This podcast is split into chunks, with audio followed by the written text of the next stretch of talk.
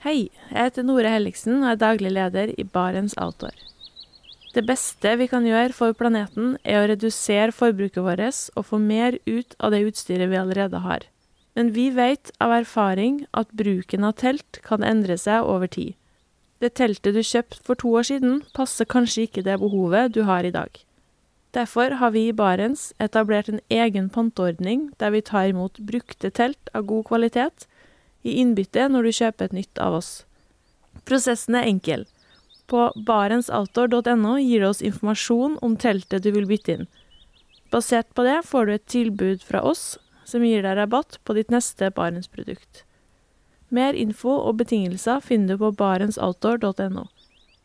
Og husk at den første reparasjonen på produkter fra Barents er alltid gratis.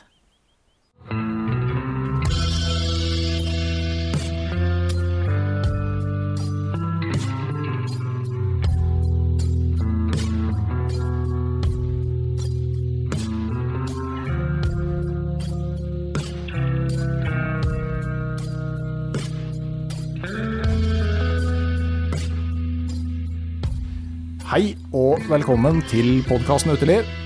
Mitt navn er Randulf Valle, og dagens gjest er Stian Odland. Kanskje mest kjent under navnet Stian med sekken på sosiale medier. Velkommen. Hjertelig takk. Ja. Veldig, veldig hyggelig å være her. Eh, Du må jo kunne titulere som, og titulere deg jo til dels sjøl, som eventyrer, polarboms, fotograf. Eh, Du er jo også en av dem som ikke har en fast bopel. Bor i bilen. Og så har du vel også si, blitt kjent fordi du har brukt naturen som en slags støtte og terapi i vanskelige livsfaser. Kjenner du deg igjen i beskrivelsen? Jeg kjenner meg igjen i beskrivelsen. Jeg har alltid vært, vært veldig usikker på eventyret. Der er litt sånn Jeg, jeg, jeg har gjerne kalt meg deltidseventyret.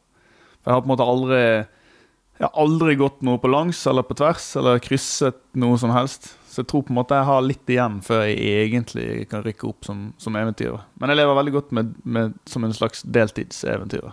Ja. Men eh, eventyrer, er ikke det en som søker eventyret?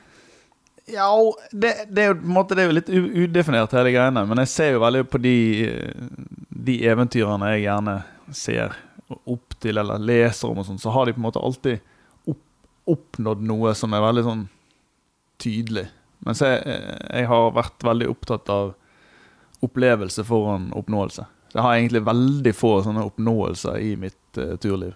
Men jeg, hvis, hvis, vi, hvis vi snakker om å søke eventyr, da er jeg med. Da er jeg, da er jeg fulltidseventyrer. Ja, for jeg tenker at sånn som Jens Kvernmo er jo en eventyrer, vil jeg si.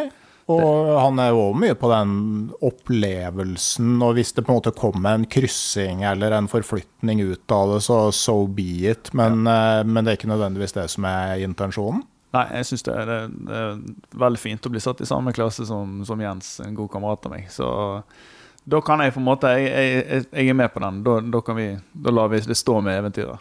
Ja, Ja. men det er greit. Det er, vi har jo en sånn trang til å kategorisere folk. Eh, Det kan jo være en bra og en ikke riktig så bra ting, men eh, i hvert fall da eventyrer og polarboms og fotograf. da. Ja. For det, du er jo blitt eh, kjent for bilder og videoer. Ja, det Jeg Fotograf og er egentlig det jeg brenner nesten mest for overalt, altså.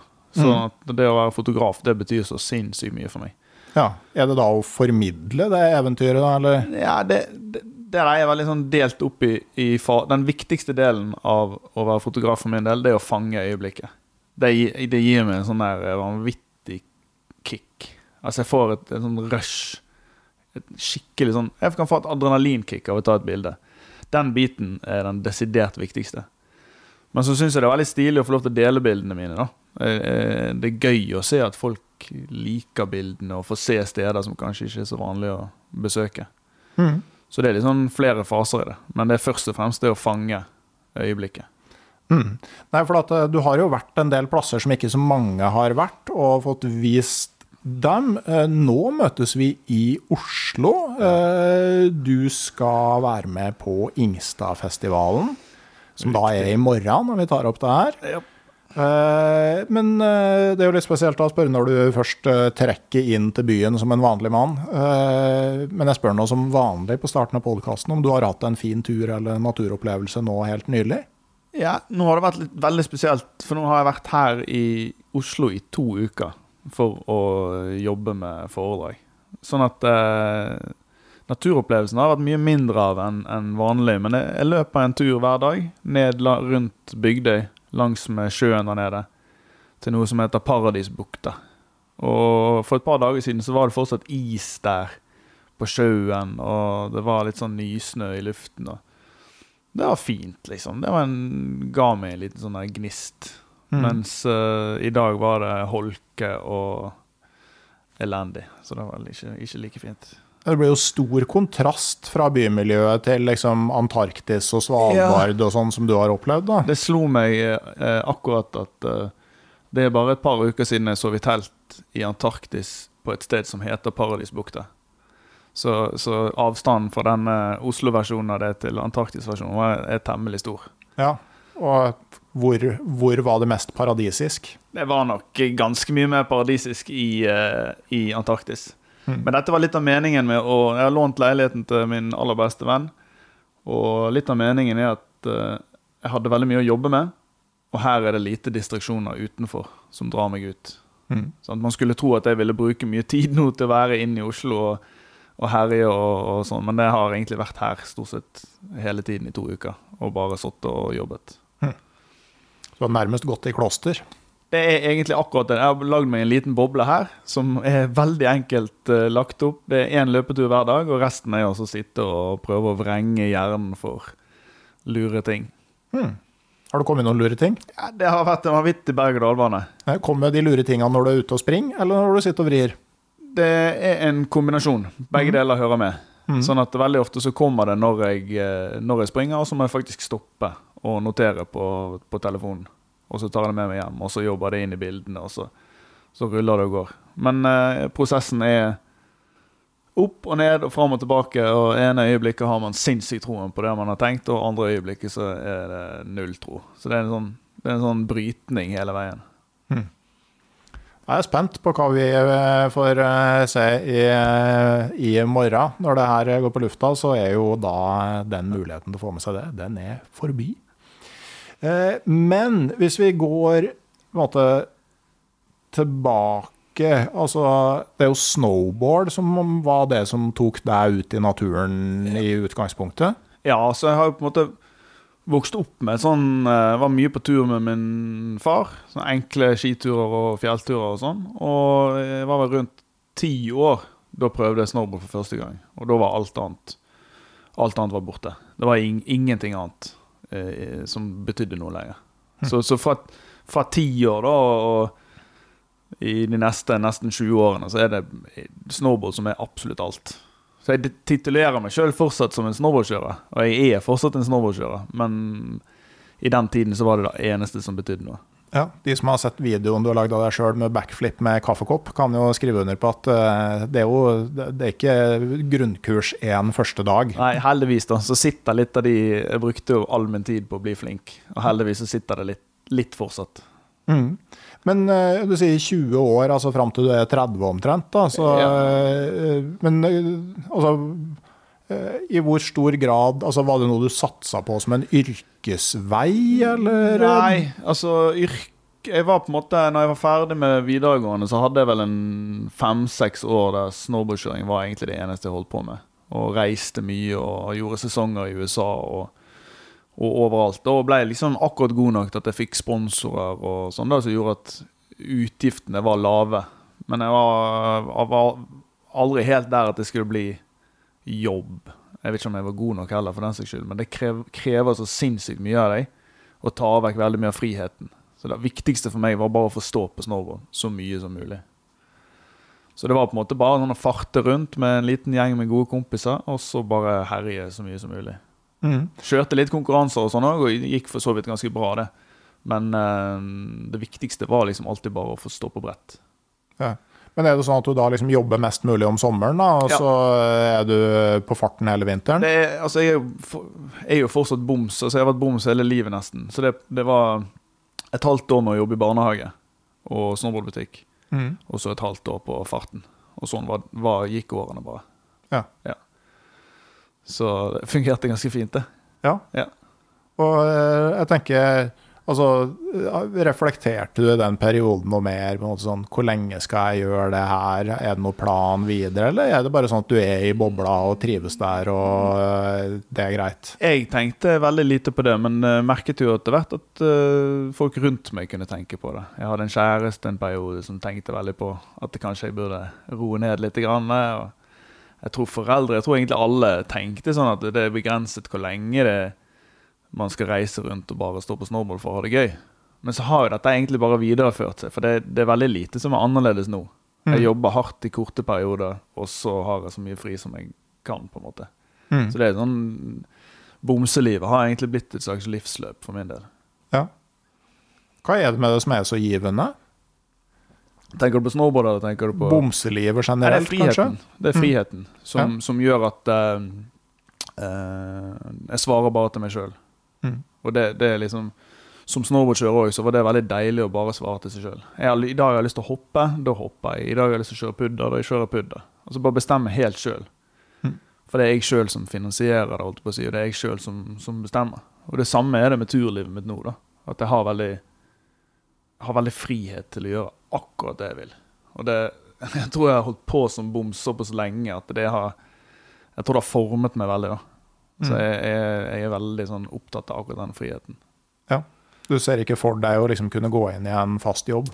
Nei, jeg har aldri hatt fast jobb. Eh, lengste jeg har hatt en fast jobb, er et halvt år. Mm. Og det nærmeste jeg har vært en fast jobb nå, var, var f.eks. noen på, på Jan Mayen. Altså, så arbeidslivet mitt er veldig merkelig.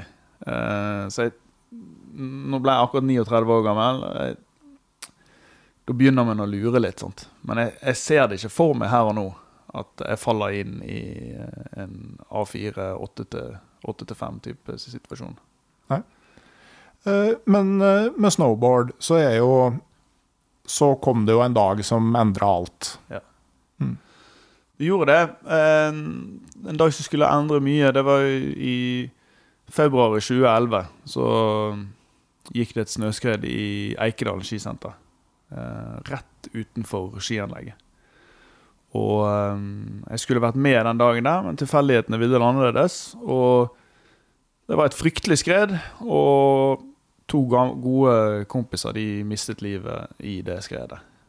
Og eh, det var på en måte Det var på en måte starten på veldig mye. Jeg, jeg taklet den beskjeden og tiden etterpå ganske dårlig.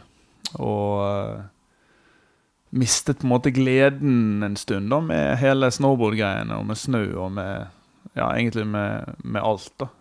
Så den dagen er på en måte nesten som står nesten som starten på en ny retning, da. Bare det at den starter liksom i feil retning, da. Inn i, inn i en veldig sånn mørk periode. Eh, Så den, den står fortsatt som en sånn Den er på en måte skrevet fast i, i stein i minnet mitt den dagen. Og når telefonen kom at det var det som hadde skjedd, og at det var de to gutta som hadde forsvunnet. Og sånne viktige gutter i vårt miljø, og de fineste typene som fins. Så den, den der eh, Den kom på en måte fra, som lyn fra blå himmel, altså. Og bare ristet opp i, i alt. Ja. Jeg husker jeg spurte Stein-P.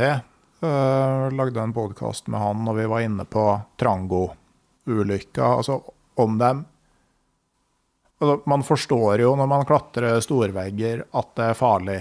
Og man forstår på en måte når man kjører snowboard i løssnø at det Ja. kan være farlig. Men hadde dere på en måte sånn egentlig forstått at det var en risiko for at akkurat dere kunne omkomme der? Nei, jeg vil si at det var veldig annerledes da. Dette var på en måte før eh, det var blitt vanlig med Og det som må sies er at i denne ulykken her, så var de faktisk eh, De bygde et hopp, og, og skredet det var fjernutløst, altså, altså selvutløst. Jeg leste rapporten senest i dag. Mm. Så det løsnet av seg sjøl ganske langt inne i fjellet, og fikk en vanvittig fart. Sånn at per definisjon så var ikke det de som utløste det, men de var på en fryktelig dum plass i forhold til de rådende forholdene. Og Mm. på den tiden der, så i hvert fall kan jeg bare for, for min egen del si at jeg hadde ikke mm, så veldig mye kompetanse Mm. på det området. Og eh, var veldig mm, lite sånn sikkerhetsopptatt. Jeg var veldig opptatt av å gjøre de råeste tingene. Og det kunne gjerne gå veldig på bekostning av sikkerhet. Mm. Eh, Så det har jo forandret seg noe helt sinnssykt da, siden Ja. den gangen. Men den bevisstheten av at det er en reell risiko for deg som person og dine venner, er det noe som òg har kommet i ettertid? Ja, det, det, det, det, går på en måte ikke an å sammenlignes. Nå er jeg jo blitt en jævla streng type, sånn at eh, hvis ikke du har batteri i sender-mottakeren, så får ikke du være med på turen. Altså det, hvis, ikke vi, hvis ikke jeg vet at den jeg er med, har kompetanse på, på, på skred, skredsøking og på rutevalg og på alle de, tingene der, så er ikke det aktuelt. sant? Og jeg snur ved første vomplyd i snøen eller disse tingene her, så jeg er blitt veldig sånn det er akkurat 100% det motsatte. altså. Jeg er blitt så sikkerhetsbevisst at hele snowboardkjøringen min er forandret. Jeg gjør jo veldig lite spektakulære ting mm. nå lenger. Men eh, du sa liksom at du ja, forsvant på en måte litt sånn inn i mørket etter det her. Ja. Det der er litt sånn det, det ligger mer i det òg, og det, kanskje det kommer mer av det i morgen. Men jeg hadde tilgang på veldig mye mørke, og jeg hadde hatt en, en flere veldig vanskelige perioder før dette her. Mm. Og um, sånn at når det først ble mørkt, så hadde jeg veldig mye tilgang på det. Så jeg klarte å rote meg veldig vekk, og så var jeg veldig opptatt av å ikke vise dette til noen. Og jeg var veldig opptatt av å late som jeg hadde det jæklig bra. Sånn, det var typisk sånn dusteoppførsel med masse festing, f.eks., og prøve å leve som en rockestjerne. Men så inni meg så var det bare helt sånn eh, Det var jæklig mørkt, altså. Så det er jo der eh, dette her eh, turlivet mitt av alle ting starta. eh, er akkurat i det der mørket der. For jeg er litt sånn usikker på hvor ideen kom fra, men jeg måtte i hvert fall vekk fra byen som holdt på å sluke meg. Så det var rett og slett den sånn første turen min til fjells alene. Det var, det var rømning mer enn eh, ja, det klassiske friluftslivet som jeg holder på med nå. Det var på en måte bare en sånn Jeg hadde begynt på, en, på et studie som var sånn forskolelærer med vekt på friluftsliv. Så jeg hadde fått et lite, lite snev av det inn. Men jeg kjøpte meg telt og sovepose og på en måte fant ut at nå skal jeg bare stikke til helsike. Og komme til fjells. Og eh, det høres jo veldig sånn der eh, Det var i hvert fall ikke noen sånn nasjonalromantisk eh, appelsinopplevelse å komme til fjells alene for første gang i den perioden der. Det var akkurat det motsatte. Så i forhold til hvor dritt den første turen var, så er det nesten fascinerende å tenke på nå, eh, 12-13 år etterpå, at det er livet mitt er å være på tur. Mm. Ja, for det Jeg tenker jo at mange finner jo en måte sånn trøst i natur og sånn, men når du er så langt nede, så er det jo ikke nødvendigvis det å bli liggende mutters aleine i et telt i fjellheimen en sånn åpenbar quick fix, da. Nei, det var det, var det, det, var det ikke. Jeg, var veldig opp, jeg tenkte at eh, stillhet blir deilig, og bare komme seg vekk blir deilig. Men den stillheten som jeg fant der inne, den rommet jo alt som jeg hadde unngått. Det var det som skjedde. Den stillheten som var inne, i- inne i fjellet der, den rommet alt det som jeg hadde unngått. Både med skredet og med alle tingene som jeg hadde opplevd tidligere. Og alt kom egentlig bare rasende ned i hodet på meg. Og eh, det å være da uten noe form for distraksjon fra dette her. sant? Det var ingen fest å gå på, eller det var ingen å snakke med. Det var bare teltet. Og så i tillegg var jeg dritusikker på hva jeg holdt på med. Jeg har aldri fyrt primus før. Aldri satt opp et telt før. Jeg var så sinnssykt redd for å bli våt. Og dette her er på Vestlandet. Så det var på en måte bare sånn Det var skikkelig sånn Det var trått. Altså, jeg gikk med vill faktisk òg. Sånn ordentlig. Jeg hadde ingen anelse om hvor jeg var. Så det var en veldig sånn spesiell eh, start på dette eventyret. Mm. Hva slags årstid var det? Ja, det er på sommeren. Ja. Det er en veldig våt sommer i, eh, på Vestlandet i 2011. Og jeg er i et område som heter Bergsdalen. Fantastisk fint område. Ikke så langt ifra fra Bergen, egentlig, men, men veldig sånn enkelt, koselig, fint område. Men eh, for meg så ble det altså en sånn vanvittig bratt læringskurve. For jeg, var, jeg hadde ingen kompetanse i det hele tatt på det jeg holdt på med. Så det var på en måte Det var 'learning the very, very hard way'. Ja. Hvor lenge blei du? Nei, altså, første turen der, den er, den er vel litt over en uke bare, da. Men jeg husker at eh, Jeg satt og tenkte på det da. Jeg husker at de første døgnene der ute på tur, det føltes ut som døgnet varte i 72 timer. Mm. Det var så Det gikk så sinnssykt treigt. Tiden bare Den var akkurat så vidt den bevegde seg.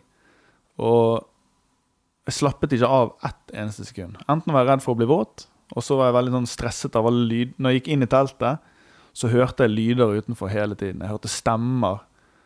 Og så måtte jeg ut og sjekke, og så var det ingenting. Det var veldig sånn kaotisk, da. Og så var det dette her i mitt indre følelsesliv som kom bare Det kom altså bare susende ut. Um, og da møtte jeg på en måte meg sjøl der veldig, da. Og jeg trengte det nok, da. Men om det var så sinnssykt lurt å holde på med det der helt aleine oppe i Bergsdalen i regnet, det er jeg jo ikke helt sikker på. Nei. Jeg var en periode der jeg tenkte sånn Ja, ja, jeg skal i hvert fall aldri på tur igjen. Så den er nå grei. Nå, dette var det. det. Dette var det. Men så var det på en måte noe i det da, som gjorde at eh, ganske fort etter den første helt forferdelige turen, så var jeg tilbake i fjellet. Og eh, det kan jeg òg innrømme at det hadde, det hadde et sånt spektervesen som jeg ikke har snakket om. Det var rett og slett, når jeg kom tilbake fra den turen der Dette var jo før friluftslivet var blitt inn. på en måte. Det var ikke på sosiale medier. det var bare, Jeg hadde vært på tur en uke alene i fjellet, og så syntes folk at det var jæklig stilig. Og det syns jeg bare sånn Oi! Dette var på en måte et desperat rømningsforsøk fra en, en ganske nedbrutt kar. Og så syns folk at det var tøft. Og da gir jo det en slags motivasjon i seg sjøl. Så jeg tenkte sånn fuck Nelle. Kanskje jeg må rett og slett dra ut igjen og så se om det kan bli bedre denne gangen. Og sånn ble det, da. Litt sånn fram og tilbake og, og ut og, og hit og dit. Og da, da begynte det etter hvert å så uh, løsne litt. Og det som er veldig spesielt, er at jeg, jeg har på en måte ett et enkelt øyeblikk som, som forandret absolutt alt. Og det, det, har, det er en, en, solnedgang ikke så langt ifra Vending turisthytte i Bergsdalen. Og da hadde det vært veldig dårlig vær veldig lenge, og jeg var på en måte begynt å bli passelig lei. Men så var det plutselig, ut av ingenting, så ble hele himmelen bare klar.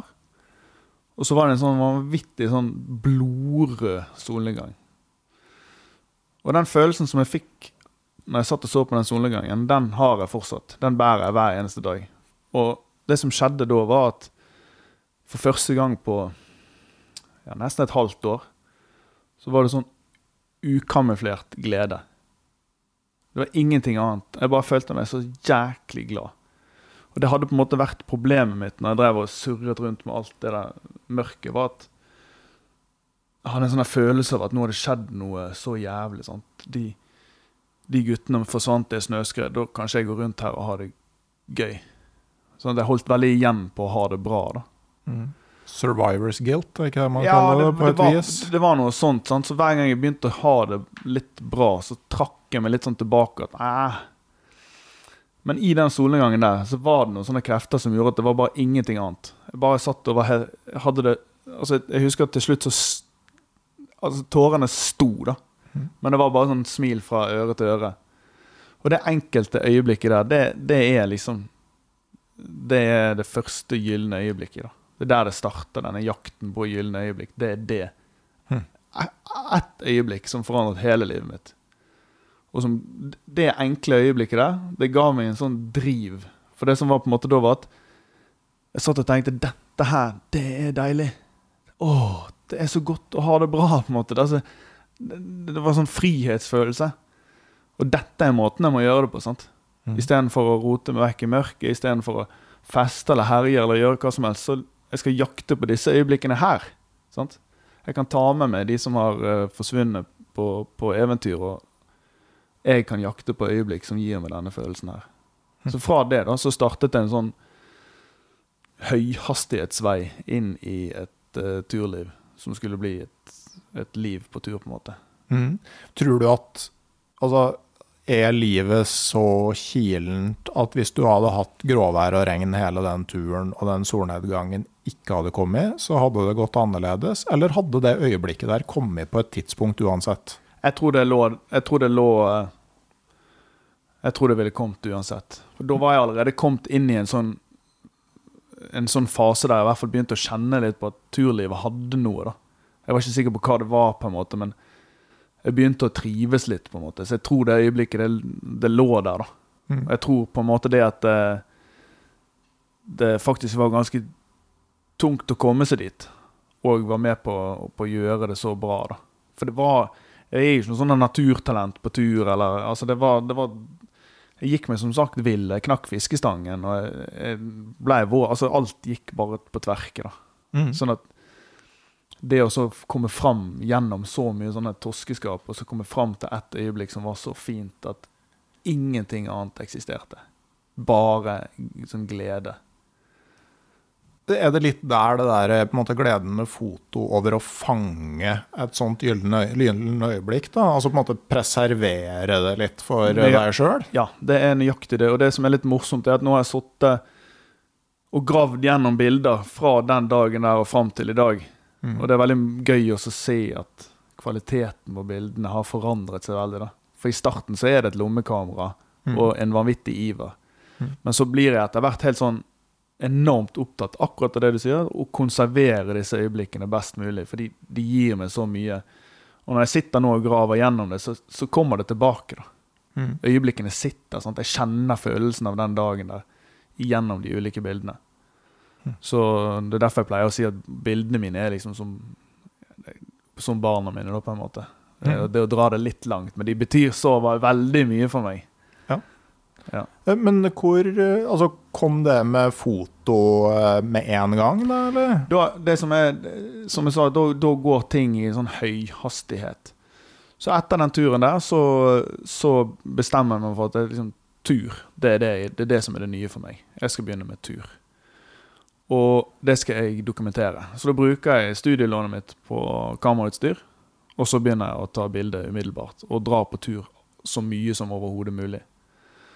Og uh, har jo en veldig sånn enveiskjørt fokus oppi hodet. Så når jeg begynte med foto da, så var det på en måte Det var veldig sånn all in, da.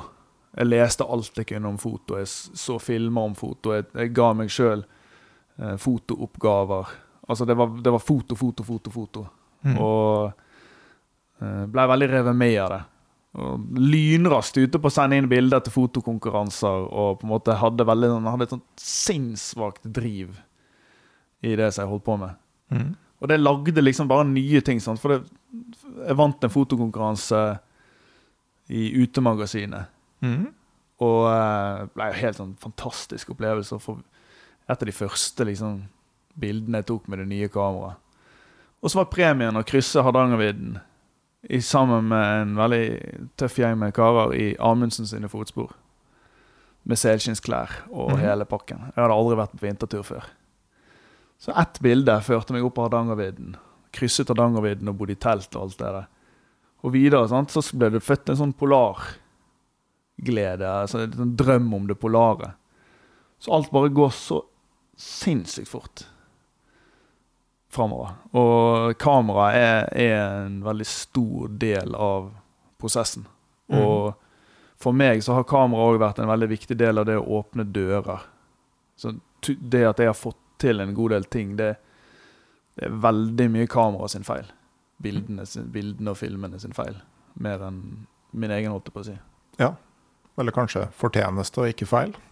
Ja, fortjeneste. Det er helt klart, det er helt klart kamera. Veldig mye av det jeg har fått lov til å oppleve, er rett og slett kamera sin fortjeneste. Ja, eller den som betjente det, kan du være ja, enig om. Kanskje en kombinasjon. Du har jo den klassiske vitsen om eh, Hemingway som spør Robert Capa hva slags kamera han bruker. Nydelige bilder. Og neste gang Hemingway har kommet med en roman, så spør Capa ja, veldig bra bok, hva slags skrivemaskin har du brukt? ja, sant. Så, eh, men eh, når var det du blei Stian med sekken, da? Nei, det, det gikk eh, Det gikk ett et år med tur. Altså fra den, fra den, den solnedgangen som måtte startet hele turlivet mitt, så gikk det ett år med tur. Før jeg fant ut at jeg skulle starte en blogg. Og så satt jeg og tenkte på navn. Og jeg har blitt kalt Stian med sekken hele mitt liv. For uh, det var en barne-TV-serie på slutt, på, i, i begynnelsen av 80-tallet. Okay. Slutten av 70-tallet, som het Stian med sekken. Hmm. Sånn at alle, alle som kjente den, de ville alltid kalle meg når jeg var ung. Ah, det er Stian med sekken som kommer. Og Stian med sekken er en barne-TV-serie der det var en kar som reiste rundt med eventyrbriller og samlet sanger. rundt. Ja, det, fordi at jeg søkte på deg på Ja. nett, og da Ja. er det jo den som Ja. eh, får de første treffene. den originale Stian med sekken er fortsatt uh, sjefen. Men da fant jeg ut at uh, nå er det så lenge siden den serien har gått, at eh, det er sikkert ikke noe sånn copyright eh, lenger. Så da ble det Stian med sekken, som, som på en måte Det passet jo. Det er et liv i, i sekken. Ja, jeg tenker, jeg liksom øh, forsøkt å tolke og tenke at det har en slags dobbeltbetydning. Altså for det er jo Stian som er på tur, altså som alltid har med seg tursekken. Eh, Men det er jo kanskje òg Stian som har med seg noe bagasje, mer sånn på det personlige planet. Ja, det, det kan du jo si nå, men ikke i den prosessen jeg var i da. For, for det som skjedde, var at jeg, jeg fikk et sånt Altså, jeg hadde et sånt driv i det jeg holdt på med da. At uh, jeg hadde på en måte Jeg hadde lagt bak meg alt som var tungt og vondt og mørkt. Var, det var lagt igjen Mm. uh, oppi en pytt i Bergsdalen. Og, og så hadde jeg bare ett fokus, og det var framover. Sånn at med Stian med sekken da i starten, det er, bare, det er bare sånn at jeg måtte ha et navn. Jeg skulle lage meg blogg. Jeg hadde planer om å bli Jeg skulle få til alt på en gang. Og da, da var det litt sånn Jeg ramlet litt inn i det navnet fordi at det, det hadde blitt kalt fra før. da Mm. så nå så kan, vi, kan du helt klart snakke om at det finnes mye i, i bagasjen, men der og da så var det egentlig det motsatte. Det var bare om å gjøre å, å komme seg ut. Mm. Og du kom deg jo virkelig ut, da.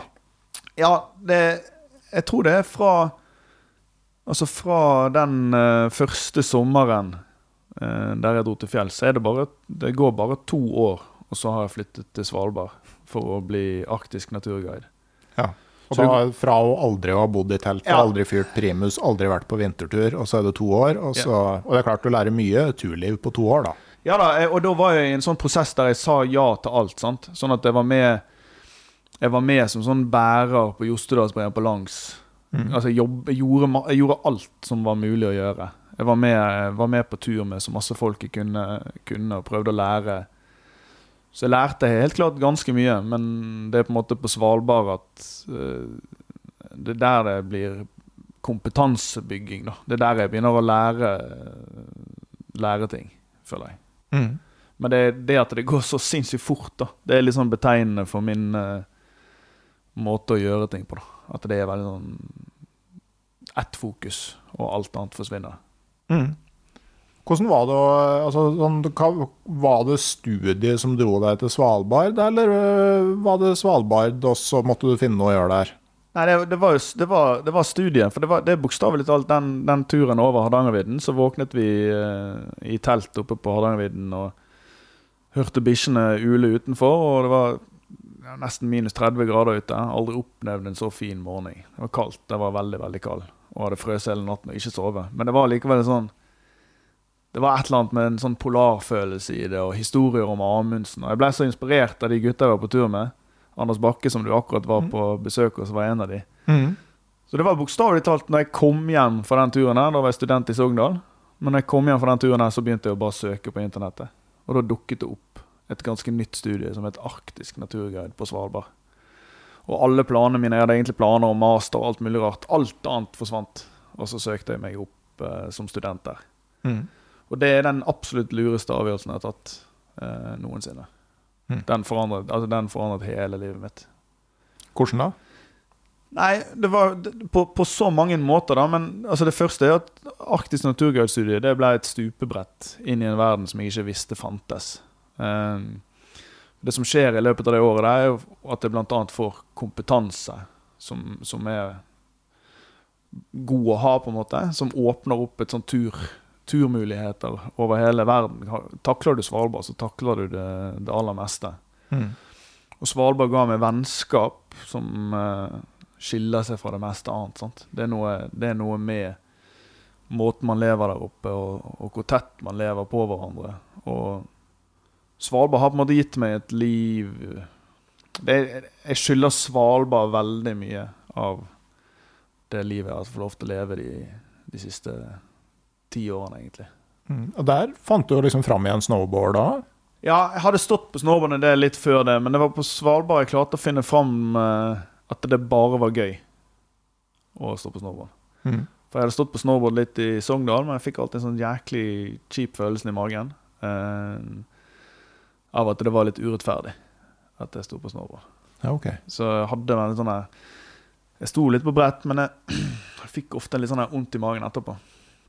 For det, var, det føltes litt urettferdig. Mens på Svalbard så så slapp det. Han er en veldig god kompis, Thomas, som jeg dro mye på ski med der oppe. Og fjellene, de sto og, og ropte, liksom. Og som snowboardkjører så er egentlig Svalbard ganske dårlig. sant? Snøen er stort sett vindpakket og hard, men det var et eller annet med den helhetsopplevelsen som, som det ga der oppe, som, som gjorde at den der eh, Den pure det var den, den forelskelsen var tilbake. da. Altså Snowboard har vært kjærl, mitt livs kjærlighet. Det er mer enn hobby. og altså, det er, det er ekte kjærlighet, og det var på en måte den som kom tilbake der i de fjellsidene på, på Svalbard. Så det, det var òg noe av det viktigste Svalbard egentlig ga meg. Mm. Du blei der ganske lenge? Ja, jeg, altså, jeg ble jo fullstendig hektet. da. Polarbasillen tok meg fra, fra dag én. Sånn at jeg var fastboende på Svalbard i vel seks år. At jeg hadde, var, var fastboende der. Mm. Og uh, var på Og var polarboms, da. Sånn Reiste veldig mye på tur på, på egen hånd og med kompiser, og, og opplevde Svalbard på, på min egen måte. Mm. Hvordan var det? Det, er, det er det mest spennende jeg noensinne har gjort. Altså, for det, det første året på Svalbard som student, det, det er det fineste året jeg har hatt. Og det hadde en sånn kvalitet ved seg ved at hvert steg var spennende.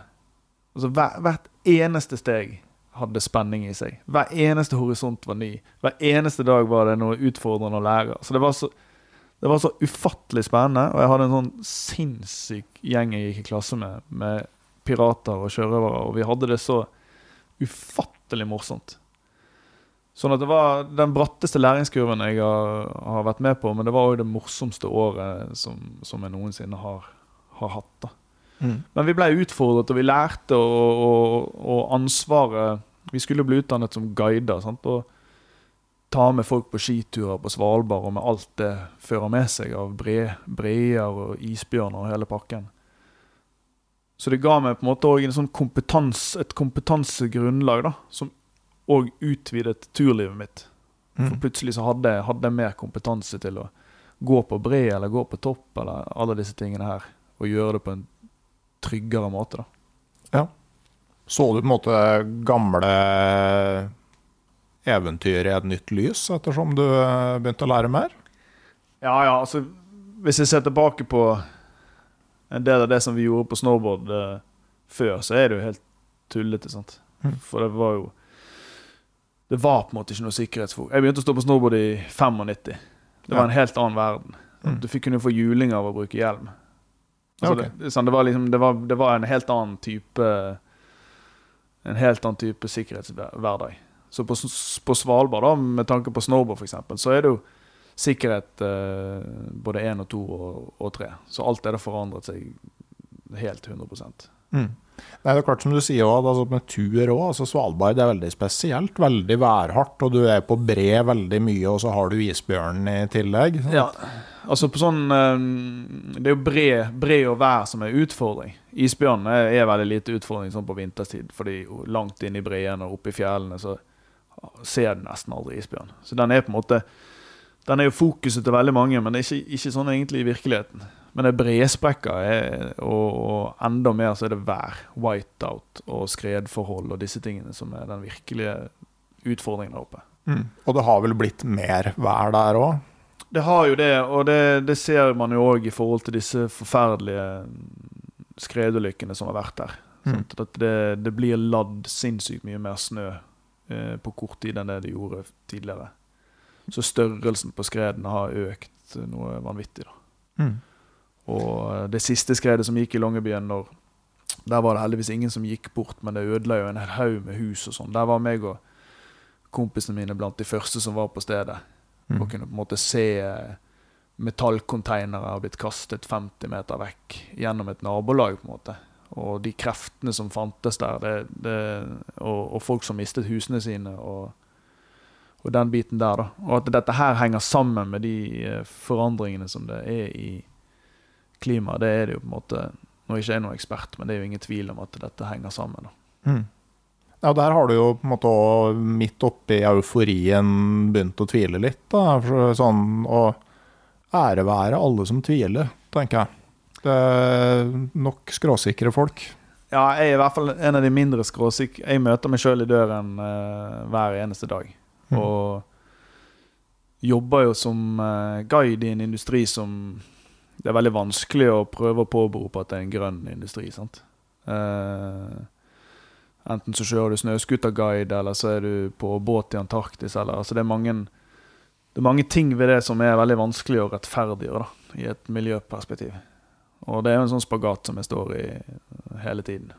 Og det blir egentlig litt vanskeligere og vanskeligere for hvert år, da. Mm. Men Eh, eh, på en måte heller å anerkjenne spagaten enn dem som på en måte Jeg har sånn, litt sånn problemer med dem som tar den derre At det er så viktig å vise de områdene til folk. ja. Eh, Og det kan du jo for så vidt si, men det er jo ikke løsninga å ta med hele klodens befolkning til alle områder som må tas vare på. Nei, det er det ikke. Men jeg er òg sånn ut ifra den grunn, En av grunntankene vi har eh, som arktisk naturguider, er jo at det, det har en verdi å eh, få eh, folk til å bli få, Skape et eget vennskap med naturen. Sant? Du tar bedre vare på vennene dine. Og jeg, jeg tror fortsatt på den tanken. da Om Mm. at det har en verdi at folk, folk faktisk får se og oppleve. Jeg har òg veldig troen på at dyktige guider kan være med på å gjøre ufattelig mye bra. En inspirasjon som faktisk kan bidra til noe. Og det er liksom litt av det som jeg hviler meg på. er at jeg, jeg tror, Nå har jeg jo åtte-ni års erfaring, så gjør jeg en ganske god jobb. da, Og prøver å sette gjestene inn i hvor vi er, hva vi holder på med, og hva det betyr. Og de forandringene som er rundt oss. og for min egen del spesielt i forhold til dyrelivet vi er i nærheten av. Jeg er veldig veldig opptatt av at ikke vi skal påvirke det. Så Men jeg er heller aldri helt sikker på noe som helst. Nei, jeg er jo helt enig, og at uh, for så vidt det som jeg driver med òg, med å liksom drive med det her med tekst og uh, lyd og bilder, at uh, jeg tror jo åpenbart at det har en verdi.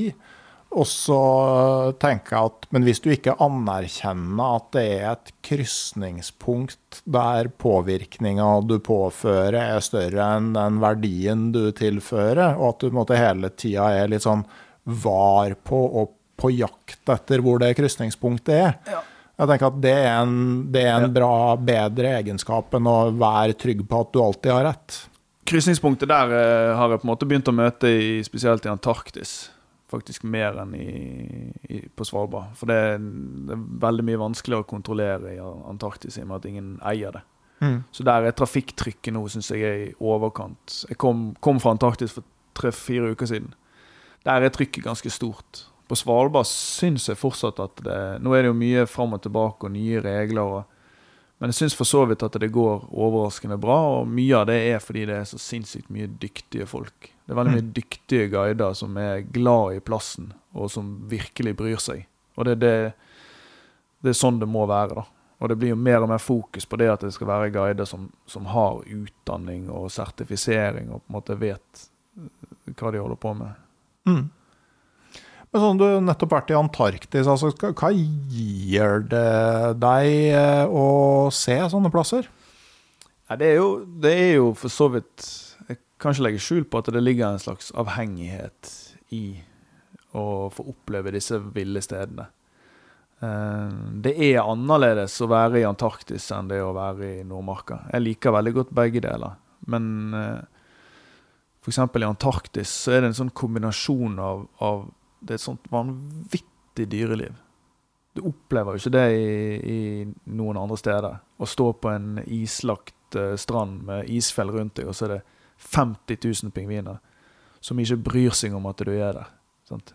De er ikke redd for noe som helst. Å bare være en del av det, å stå der og være en bitte liten del av noe så gigantisk, det er de største øyeblikkene jeg vet om. Sant? Det, det, og Syd-Georgia kanskje spesielt, som er det villeste stedet som fins på denne jordkloden.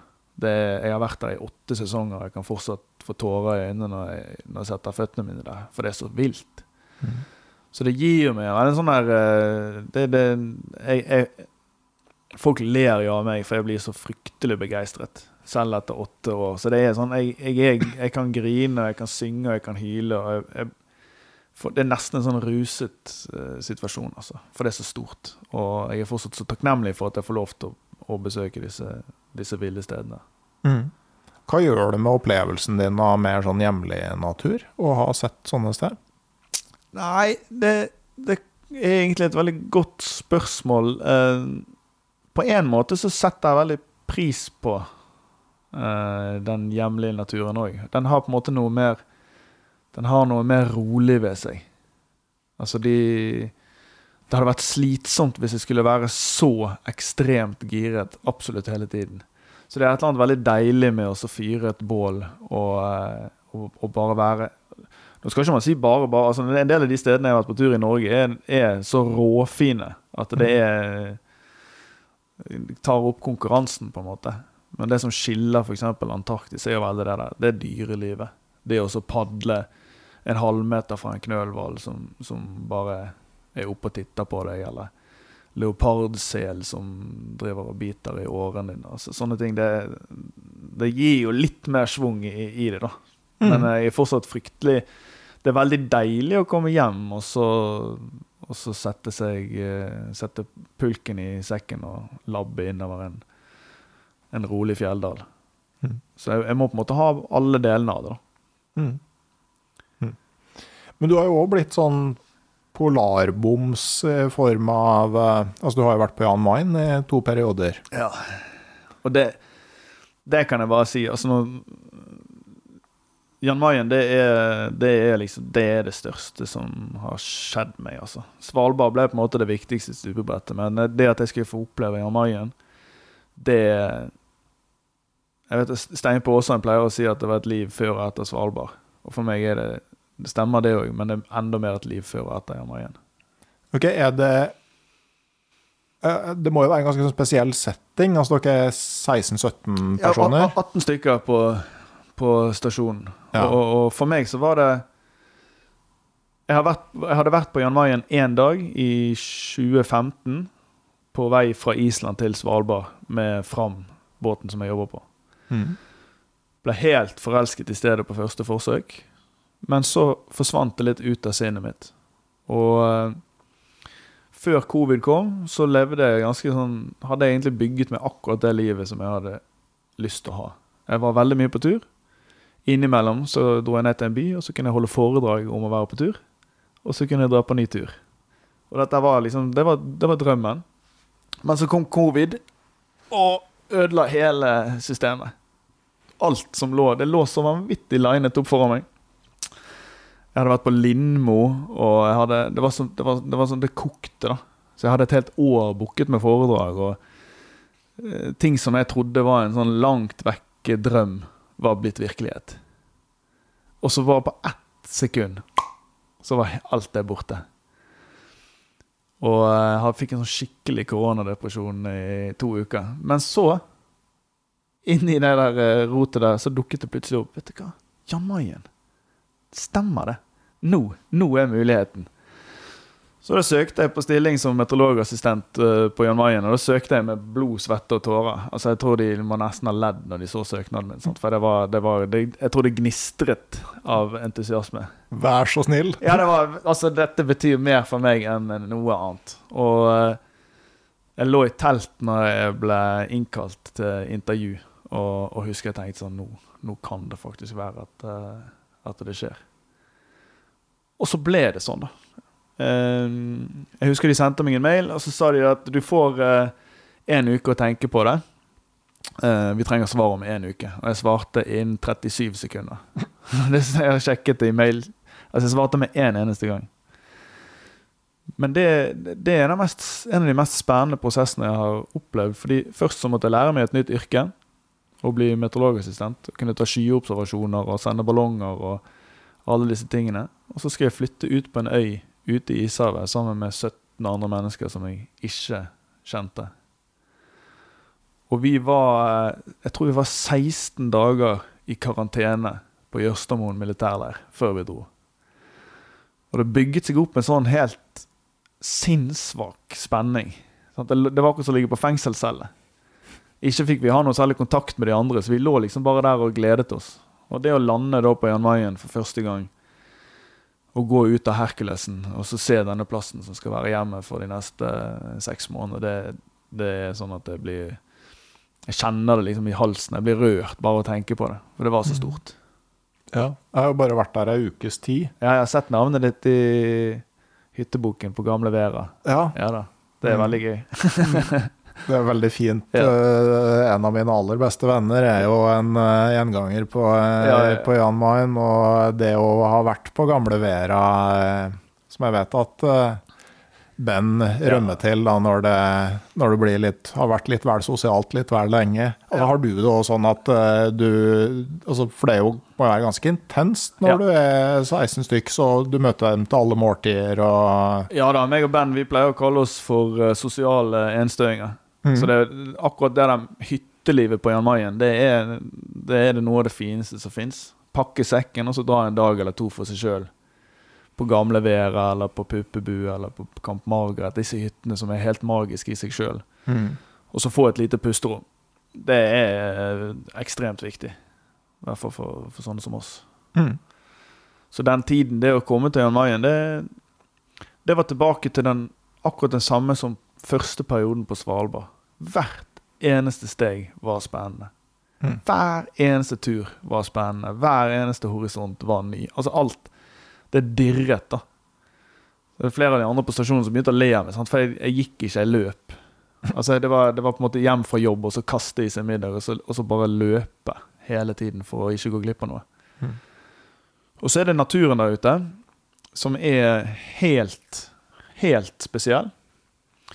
Og så er det denne følelsen av at du får faktisk lov til å være på et sted som ingen andre får lov til å være på. Og kanskje det er ekstra litt spesielt for meg som guide, og i den spagaten som jeg står i, at jeg tenker ofte at det hadde vært fint om Antarktis var ingen som dro dit. Altså jeg tenker det òg. Og da er det litt fint med akkurat Jan Mayen, for der spiller det ingen rolle hvor mye penger du har. Du får ikke kjøpt deg en flybillett dit for å ta feriene der. Nei. Så det å få lov til å gå på en plass som nesten ingen får lov til å besøke, og kanskje spesielt for min del, det å få lov til å ta bilder som ingen andre har tatt, det ga meg en sånn eh, det, det er det største jeg har vært med på, rett Mm. og slett. Det ga meg så, så ufattelig mye, og jeg var veldig heldig å være der med helt ufattelig fine folk. Så selv for en litt sånn introvert eh, teltmann, så var det, gikk det veldig fint, det der. Å bo i lag med folk tett på gangen og alt. Vi var, man blir veldig fort som en sånn ishavsfamilie. For du vet du er avhengig av hverandre, og du må støtte hverandre. og Man må stille opp og man må må være med. Du kan ikke kun være ute på tur. da. Selv om jeg er nok en av de som har vært mest på tur i, forhold til, i forhold til de fleste andre. Mm. Nei, jeg kommer ikke til å glemme da Herkulesen kom inn sørfra, og det var i november, og sånn eh, soloppgangslys på eh, fjellene. Så det eh, var temmelig magisk. Ja, jeg sitter på et år med bilder og ganske mye film. Og det er kun Det er veldig, veldig lite av det jeg har vist frem. Hm. Og det er fordi at jeg har ikke funnet den rette måten å vise det frem. For en liten, fettete telefonskjerm er ikke godt nok. Nei. Så det kommer en dag der Jamaien-tingene mine skal opp og fram. Rett og slett fordi jeg har et genuint ønske om å få lov til å vise fram det jeg har fått lov til å se. Ja. Så det, det kommer, men det må, det må mer enn eh, Det må mer enn en mobilskjerm til. Ja, tenker du en utstilling eller noe sånt? Ja, det er egentlig det som er drømmen. Mhm. Eh, og så ha en utstilling, og så har jeg noe filmmateriale som jeg har lyst til å prøve å få til noe med og etter hvert. Men dette er litt fortsatt langt fram. Jeg er jeg er fortsatt på en måte Nå er det under et år siden sist jeg var der, så jeg er fortsatt i en prosess der jeg eh, liksom lander i hele Jan Mayen-opplevelsen. For den var jo den var så stor, både på Mm. godt og vondt. Så var den så mye at det er ikke noe hastverk for meg å, å gjøre noe med den. da. Det ligger der på en måte, Mm. til jeg føler meg klar for det. Ja.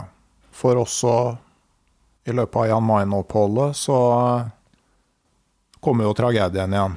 Den gjorde det, og det Det, det som er spesielt med den historien, er, eller det er mye som er det, men kvelden før skredet gikk, så holdt jeg foredrag for resten av gjengen på stasjonen. Foredraget mitt som heter 'Jakten på de gylne øyeblikk', som begynner med at det går et skred i Eikedalen. Det holdt jeg kvelden før. Mm. Og Dagen etterpå så skulle jeg på tur i lag med tre andre. Egentlig en sånn koselig søndagstur. Men eh, jeg så på værmeldingen, og jeg så sto grytidlig opp, og så så jeg at nå er det faktisk sjanse for at vi får se solen for første gang. Så da gikk jeg ned og snakket med han ene kompisen min, så sa jeg jeg drar på tur for meg sjøl i dag. Må, det, blir, det blir fototur på meg. Så jeg dro på tur for meg sjøl langs med sjøen, og jeg fikk se solen omtrent klokken to den dagen der. Og det som jeg ikke visste der og da, da sto jeg på brinken og så solen og var altså så jæklig lykkelig. Det er noe spesielt med å se solen for første gang etter mørketiden, spesielt på Jan Mayen. Altså jeg var helt sånn overveldet over alt jeg fikk oppleve. Og omtrent nøyaktig samtidig som jeg står der, så går det et skred. Um, ikke langt ifra der som jeg var. Men jeg vet ingenting om det, og jeg kan ikke se det. Så når jeg kommer tilbake på stasjonen, så setter jeg meg ned for å spise middag. Jeg skal på vakt på Metten, og jeg er ganske glad og fornøyd, for jeg vet at jeg har noen sinnssyke bilder i, på minnekortet. Og, og alt er bare veldig, veldig bra. Men så ett minutt over fire så går alarmen på stasjonen. Og da får vi vite det at det har gått et skred i eh, Borgdalen. Og det er nesten sånn at det fortsatt er litt sånn uvirkelig. Eh, Jeg har snakket veldig lite om det. Jeg har fått veldig mange forespørsler om å snakke om det, men jeg har takket nei til alt. da. Men Mm. så var det på en måte nå kanskje litt spesielt, fordi at i morgen er jeg blitt invitert til å snakke hjemme hos Helge Ingstad, og temaet er natur og psykisk helse. At jeg på en måte begynner å snakke litt om det. Men det som vi sto i da, er, det er et mareritt. Um, og jeg er en av de som har snøscooterkompetanse, blant annet. Sånn at meg og en til er, er, de første som kjører ut. Så jeg er blant de to første da, som, som møter dette skredet. Og um, skjønner med en gang at nå, dette, dette er på en måte helvete. Nå, dette er et gigantisk skred. Vi har fått beskjed om at uh, Kai han har klart å ringe inn. Han er i live, men vi klarer ikke å se han. Og til slutt så ser vi det, at det står en truge oppe i siden. Og vi kommer oss opp til han, og der, ved et mirakel Altså, han er en av de tøffeste mennene som fins. Han, han har klart å gjøre ting på en helt ufattelig måte. Men han står begravd til brystet. Og, uh, men er klar, sterk og klar, og klarer å fortelle tidsrammene. Og det går opp for meg at de har nå vært begravd i ja, i alle fall i tre timer. Da. Så skjønner jeg på en måte eh, ringvirkningene av det som, det som vi har for oss. Men da kommer resten av stasjonen opp like etterpå, og det gjøres en innsats av alle som er til stede den dagen der, som går så langt utenpå det man kan forvente av noen. Altså, vi gjør en jobb sammen der, eh, som en familie, som, som er helt eh, ufattelig.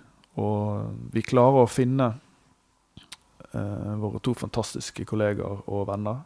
De var det ingen mulighet for oss å redde, men bare det at vi klarte å finne dem, var på en måte så ufattelig viktig for oss. Og den prosess... Altså, det, det der er Sånne ting som det der er fryktelig tragisk, men når du er på en øy midt ute i ishavet, så det, kommer det fryktelig nært på. Eh, dagen etterpå så er det to stykker mindre til frokost. Og rullebanen er snølagt. Eh, vi må jobbe på liksom, for å få fly i det hele tatt. Så det stopper ikke opp. Bare redningsaksjonen, det stopper ikke opp. Det er på en måte inn og få seg en karbonade, og så begynne å måke snø. og Det gjøres en innsats som er sånn Jeg kommer aldri til å klare å fortelle eller formidle på en skikkelig måte hvor mye folk sto på de dagene der.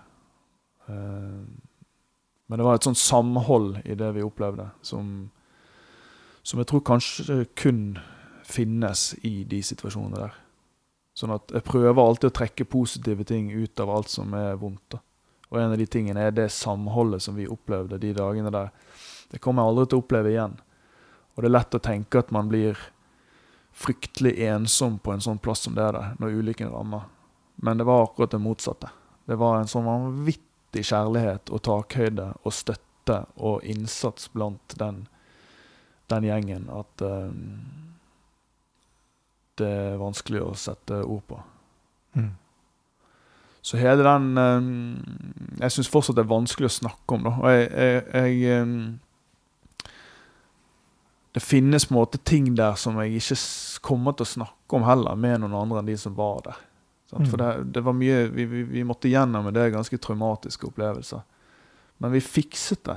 Sant? Vi måtte Må du, så må du. Og vi sto sammen, og, og Det var på en måte Det fascinerende for min del var at jeg gikk inn altså Det er veldig sånn fight, uh, flight or freeze. Mm. Og gikk inn i en sånn vanvittig fight som, som, jeg aldri noensinne har opplevd tidligere. For det var helt, jeg var helt følelsesløs eh, når jeg kjørte scooteren innover eller begynte å søke i skredmassene. Altså, det var så lite følelser involvert. Det var bare liksom neste steg, neste steg, neste steg. Og takk og pris for det, da. Uh, at det var den veien det, det gikk. Så for min del var det sånn spesielt at jeg ble innsatsleder for aksjonen. sant? Og fordi jeg hadde den kompetansen som jeg har. Og det, det er òg noe som jeg prøver å dra med meg videre som noe positivt. da, I forhold til at gjennom alle de årene som jeg har holdt på med dette turlivet, så har jeg òg tilegnet meg kunnskap og ferdigheter som kan være verdifulle. Og å få brukt det og, og Det òg er jo på en måte noe det det betyr noe, det òg. Ikke det at det, altså, he, all, all, alle gjorde en helt vanvittig innsats der, der ute. Men eh, jeg prøver på en måte hele tiden å dra med meg noen sånne positive ting da, ut av det. Mm. Selv om det er, det er jævla vanskelig. For da ble det jo Det ble jo Det ble jæklig mørkt igjen, da. Ja. Er det liksom det gamle mørket som titter fram, eller er det Nei, og det er For det Ikke i det hele tatt. For det, det, som skjer, er på en måte For det første så er det fight mm. som er så sterk at uh, det, det, går en Det går ganske mange dager før jeg egentlig får, klart, får feller en eneste tåre. Mm. For det er fight uh, både i forhold til det vi skal gjennom når, i aksjonen, og så er det fight i forhold til at man skal være der for alle de andre rundt seg. Mm. Og så er det fight i forhold til at vi må klarere rullebanen, og, og vi, jeg må på jobb, jeg må sende opp ballonger. altså det, alt, alt fortsetter. sant? Så jeg er så sinnssykt i fight. Så det, det mørke er ikke det, er ikke det der eh, Min sånn, Hvis vi tenker på den mentale biten, den minst, hvis man kaller det en smell, den kom da jeg kom til Norge. Mm. For når vi var der oppe på Jan Mayen, så var vi en helt unik gjeng. Og vi bestemte oss for at vi skulle gjøre resten av vår kontingent så bra som overhodet mulig. Det er lov å grine, det er lov å skrike, det er lov å være forbanna, det er lov å le. Alt er lov. Men vi er her nå, vi har to måneder igjen av oppdraget, og vi skal gjøre det så bra som vi kan. Og måten vi fikk til det på Jeg er jo veldig opptatt av at jeg er mye på tur aleine, og jeg finner så mye krefter aleine. Aleine, aleine, aleine. Men på Jan Mayen var det det motsatte. Vi sto så sinnssykt sammen at vi klarte på en måte å Vi klarte å komme oss opp på et godt nivå relativt fort. Sant? Det var mye, mye som var vondt. Det var vondt som faen. Jeg, jeg kan kjenne smerte. Altså, det var, jeg hadde fysisk vondt, for jeg var så lei meg. Sant? Men så er det likevel litt at Ja, det, men nå er jeg på ikke, det er ingen mulighet til å stikke. Jeg har to måneder igjen her ute. Så hva er valget? sant? Valget er å gjøre det så godt som du kan. Og sammen med de menneskene som var der, så, så gikk det, på en måte. Men det var når den boblen var slutt, at jeg kom til fastlandet og var vekke fra den gjengen og begynte å prosessere dette her. Da hadde vi en sånn skikkelig smell som var vanskelig å forholde seg til i starten der. Det, det skal jeg jo prøve å snakke litt om i morgen. Sant? Men jeg, jeg dro ikke på tur engang. Jeg tror jeg hadde én måned etter jeg kom hjem fra Jan Mayen der jeg bare ble sittende fast på hytten til mine foreldre. Som er et fantastisk plass, som jeg bruker mye. Men jeg hadde bare Det stoppet bare helt opp, på en måte. Og jeg tror, den, jeg tror deler av den fight-mekanismen bare lå Pedalen var nede, på en måte, i to måneder. Mm. Altså det var fight, fight, fight, og på en måte Jeg tror den slapp bare helt fullstendig så fort jeg landet i Norge og var vekke fra disse fantastiske menneskene som jeg hadde delt dette med. Og uansett hvor jeg gikk, så ville folk snakke med meg om dette. Og det å så møte folk på gaten og så skulle begynne å snakke om noe sånn som dette her, det er en sånn forferdelig opplevelse. For jeg har ikke lyst til det. Jeg, har, jeg hadde jobbet sammen med, med gjengen min på Jan Mayen. Sant? Det siste jeg hadde lyst til, var egentlig å snakke om det. Så den første tiden tilbake, den var, den var ganske brutal, faktisk. Men eh, det eneste som sto i hodet mitt, etter hvert som jeg begynte å kjenne at nå må jeg, nå må jeg opp igjen sant? Så er jeg på tur, for jeg vet at det funker. Jeg, dro jeg drar på den samme turen hvert eneste år, samme dato, samme sted. Eh, Husedalen inne inn i Kinsarvik. Der har jeg vært. Der er det en, har jeg en teltplass som jeg har brukt. Jeg tror, det, jeg tror jeg har åtte år, syv eller åtte år som jeg har vært der. Og, og der inne har jeg hatt Jeg har vært nyforelsket der inne. Jeg har hatt kjærlighetssorg der inne. Jeg har vært lykkelig der inne. Og jeg, jeg har hatt all, Det er sånn trygghetsplass. Så jeg dro inn der med alt jeg hadde, og øh, begynte å jobbe med det. Og det første jeg fant ut, var at det eneste som egentlig teller for meg nå, det er å komme tilbake til Jernveien. Det var på en måte det som var deler av problemet, var at jeg, hjertet mitt, sjelen, alt lå igjen på Jernveien. Jeg fikk det ikke med meg ned. Det lå der oppe. Det var så sinnssykt mye jeg ikke var ferdig med der oppe. Både på godt og vondt. Og da var jeg ganske sånn tydelig med å skrive en ny eh, jobbsøknad. Denne gangen virkelig med blod og tårer. Og bokstavelig talt bare sa det at jeg vet hva, jeg, jeg er egentlig nødt til å dra tilbake så fort som mulig. Jeg håper at det går an. Hmm. Og så fikk jeg, etter ganske lang ventetid, så fikk jeg muligheten til å dra opp igjen. Et halvt år seinere. Og den mailen som jeg fikk da med det med svaret på at ja, Stian, du får en ny sesong. Den, eh, det er en av de viktigste beskjedene jeg har fått i hele mitt liv. For da løsnet så Akkurat i det øyeblikket der så løsnet så ufattelig mye. For jeg visste at jeg kom tilbake. Jeg måtte opp igjen dit for å jobbe med det. Så da, da, da løsnet ting da veldig mm, for min del. Da satt, satt jeg i teltet mitt og fikk den uh, mailen der. Og eh, jeg husker det bare bare sånn, bare sånn overveldende takknemlighet for at nå får jeg faktisk lov til å dra tilbake. Da, da først følte jeg at nå, nå kan jeg begynne å jobbe. Så det er jeg veldig takknemlig for til værmeldingen i Tromsø, som satset på meg to år på rad. Hmm. Det, det er en vanvittig stor historie der. Det er vanskelig å fortelle. Det er vanskelig å snakke om. Eh, jeg er egentlig ganske glad i å snakke og formidle, men det, det er Det er vanskelig å snakke om det med noen som ikke var der. For sammen med de som var der Vi snakket så vanvittig bra sammen i tiden etterpå. Vi delte alt. Ufiltrerte følelser. sant? Jeg er ganske dårlig på det med følelser av og til, men der oppe vi, vi delte alt. og vi, vi lo sammen, og vi gråt sammen, og vi, vi, hedret Bjørg Robin på de aller beste måtene vi kunne. Sånn. To fantastiske mennesker som vi mistet. Men vi prøvde å he- hedre dem i, i alt vi kunne. Og men jeg merker liksom at det, det, det er jo første gangen egentlig at jeg snakker om dette. Det så jeg syns det, er- vanskelig, da. Jeg har på en måte ikke det Det står liksom ikke klart i hodet mitt. Sant? Det, er ikke, det er ikke ferdig Det er ikke ferdig formet. Og det er derfor jeg eksempel er jo sinnssykt nervøs for å skulle snakke om det i morgen hjemme hos Helge Ingstad.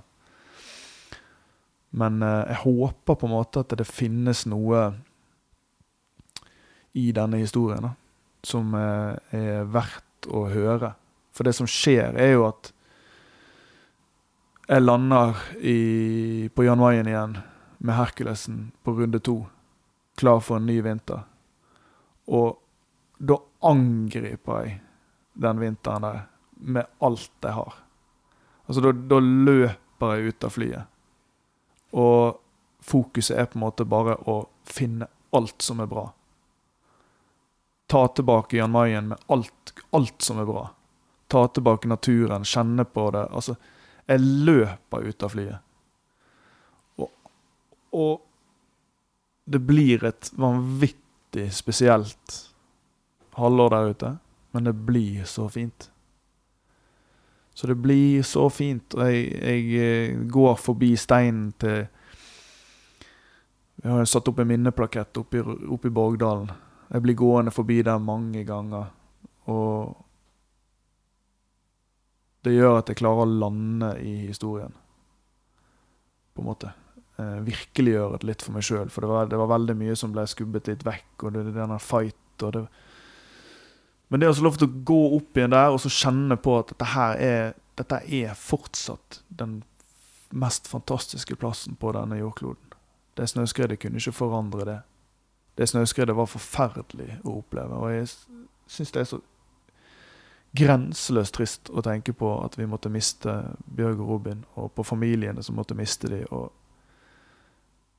Men det var òg noe veldig viktig for meg med å kjenne på at dette var fortsatt Jan Mayen var fortsatt den vakre, unike, fantastiske plassen som hadde gitt meg så ufattelig mye. Og Jeg vet ikke om det høres så veldig viktig ut for, eh, for alle andre, men for meg så var det så ufattelig viktig å komme, komme til den konklusjonen. da. At dette stedet som har tatt så jæklig mye, har òg gitt så jæklig mye. Så i løpet av den andre sesongen så fikk jeg lagt så enormt mye godt på vektskålen at det ble balanse da, mellom det vonde og det gode. Så det at jeg fikk lov til å komme tilbake på Jan Mayen, det, det er nok en av de viktigste tingene som har skjedd. Jeg er veldig usikker på hvordan jeg hadde klart å jeg vet, ikke, jeg trenger egentlig ikke tenke på det. Jeg fikk lov, og det var det jeg trengte. Mm. Men eh, når du nå er i Norge igjen, da, så bor du i bilen, ikke sant? Ja, nå Akkurat nå Jeg bor òg Altså, det, det er en kombinasjon, dette. Jeg har verdens eh, snilleste foreldre, så jeg bor mye ute på hytten deres når jeg trenger på en måte å bare jobbe eller roe. Eh, på vinteren så foretrekker jeg soleklart telt foran bilen. Jeg har en uisolert Caddy Maxi. Det er altså som å bo i en fryseboks. Så på vinteren blir det litt mer oppstykket at jeg drar ut på tur og, og i telt og sånn, og så blir det kanskje å dra tilbake på hytten og, og være litt med mine foreldre og, og tørke posen, og så ut igjen på ny tur. Og så på sommeren og på høsten og sånn, så er det veldig mye Så er det bilen på en måte som er basen, og så tøffe rundt. Mm. Det er Det er et bomseliv Mm. i ytterste grad.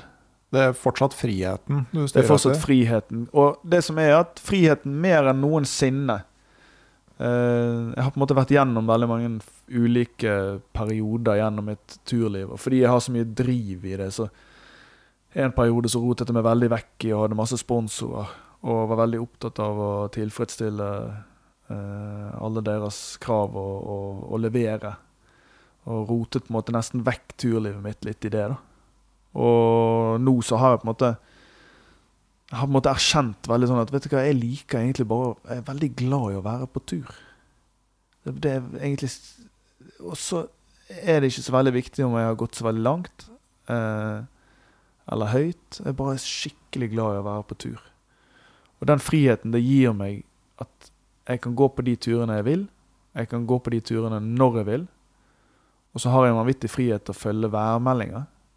Sant? I og med at jeg jobber et par måneder på vinteren og et par måneder på sommeren, så har jeg har så mye frihet til å følge været og til å bare, til å bare gjøre som jeg vil.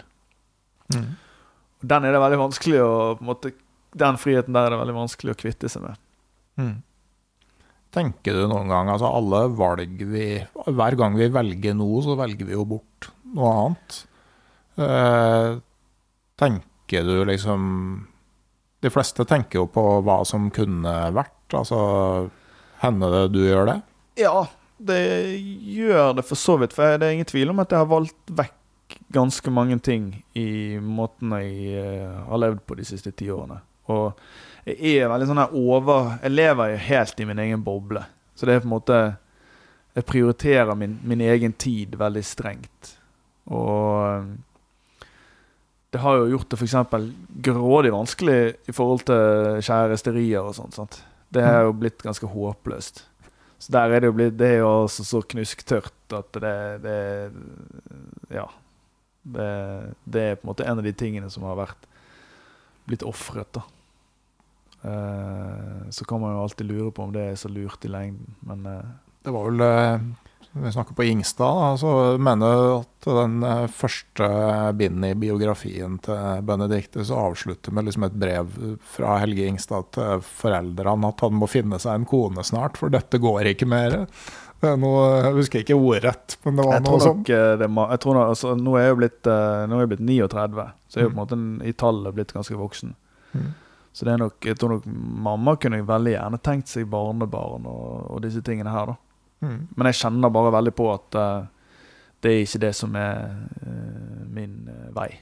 Så, så jeg er veldig sånn komfortabel med at det er ikke det, det, er ikke det jeg ønsker. da. Og om jeg har måttet ta en del valg, så har det på en måte Jeg har jo vært, jeg er jo bare privilegert. Jeg, jeg har på en måte ikke Det fins veldig mange mennesker som må ta fryktelig mange tøffe valg i livet sitt. Men jeg er egentlig av en sånn privilegert art, så jeg har hatt muligheten til å velge meg sjøl og mine eventyr. Så jeg, veldig, sånn- jeg har litt vanskelig for å liksom syte for mye over det som jeg har måttet velge vekk òg. For det er Mm. mine valg. Og, og egentlig så er mye av det jeg holder på med, er en sånn ego egotripp, da. Og det har jeg på en måte Det har jeg bare for Det, det, det har jeg muligheten til. Og eh, jeg hadde ikke gjort noen ting annerledes eh, hvis jeg kunne reise tilbake. For de opplevelsene som jeg har fått lov til å få med meg på veien, har forandret livet mitt. Altså sånn, Det høres så klisjéaktig ut, men jeg har liksom Jeg har fått lov til å oppleve så ufattelig mye fint. Og det lå ikke i kortene. sant? Hvis du går uh, tilbake til, til 2011 Det lå ikke i kortene at jeg skulle være en at jeg skulle være ett år på Jan Mayen eller leve i Antarktis eller Svalbard og de tingene der. Det var, det var ingen som, det var I hvert fall ikke jeg. Det var ingen andre som tenkte det heller. Men sånn er det blitt, da. Og det Så det er egentlig mer eh, sånn eh, veldig genuin takknemlighet. Det er vel mer det enn å klage på at det er kaldt i bilen. Det, det er jo bra, da. Det er jo bra for alle som finner sin vei. Jeg tror det er et veldig fint sted å stoppe. Eh, som vanlig spør jeg til slutt, da. Hvis du ikke hadde vært her nå i Oslo, litt sånn holke- og uh, tøvær-del av vinteren, hvor eh, ville du aller helst ha vært da?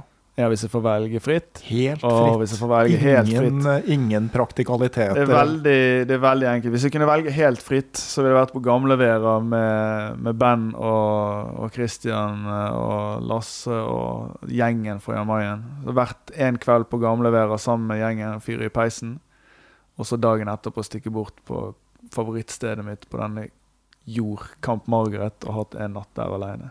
Uten tvil. Tankene mine bor på Camp Margaret ganske store deler av tiden fortsatt. Du føler deg privilegert som har vært et år på Jan Mayen. Jeg føler meg privilegert som når du sier Gamlevera og Camp Margaret, så kan jeg hente fram sånn indre bilder i hodet og vite akkurat hvordan det ser ut der. Det syns jeg er Jeg, er veldig veldig, stas. jeg gleder meg veldig til at uh, alt det som har vært så ufattelig fint på Jan Mayen, å ta hovedrollen i min historie. For det, det Jeg må gjennom en del ting nå, og, og, og vi må snakke om ulykken og sånn, men det finnes òg så ufattelig mye fint der som jeg gleder meg så enormt til å få lov til å dele. Fra en plass som nesten ingen får besøke. Mm. Vi gleder oss til å se bildene derfra, Stian. Tusen takk for at du tok deg tid i tida som du sjøl sier du prioriterer strengt, til å eh, prate med meg og eh, prate for lytterne av podkasten Uteliv. Det setter vi alle sammen pris på. Veldig hyggelig. Ja. Jeg skal jo til slutt nevne litt sånn praktikaliteter.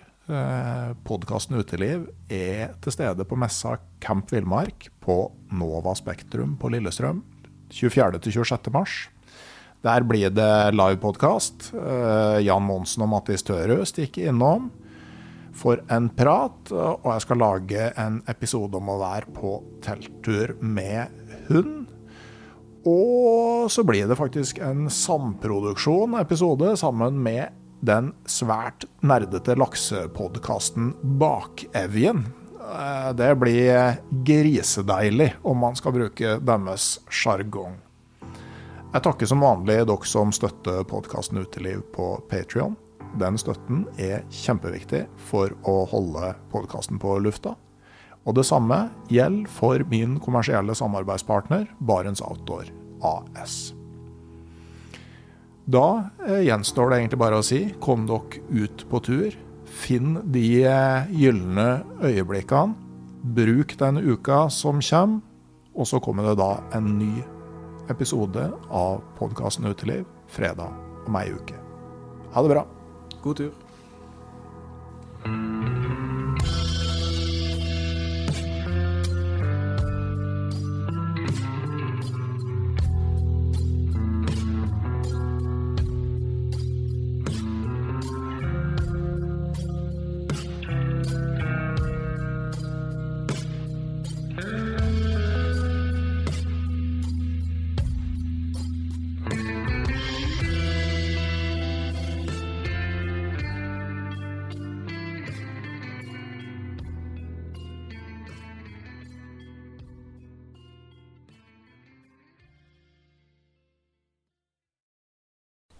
Hei, jeg heter Nore Helligsen og er daglig leder i Barents Outdoor.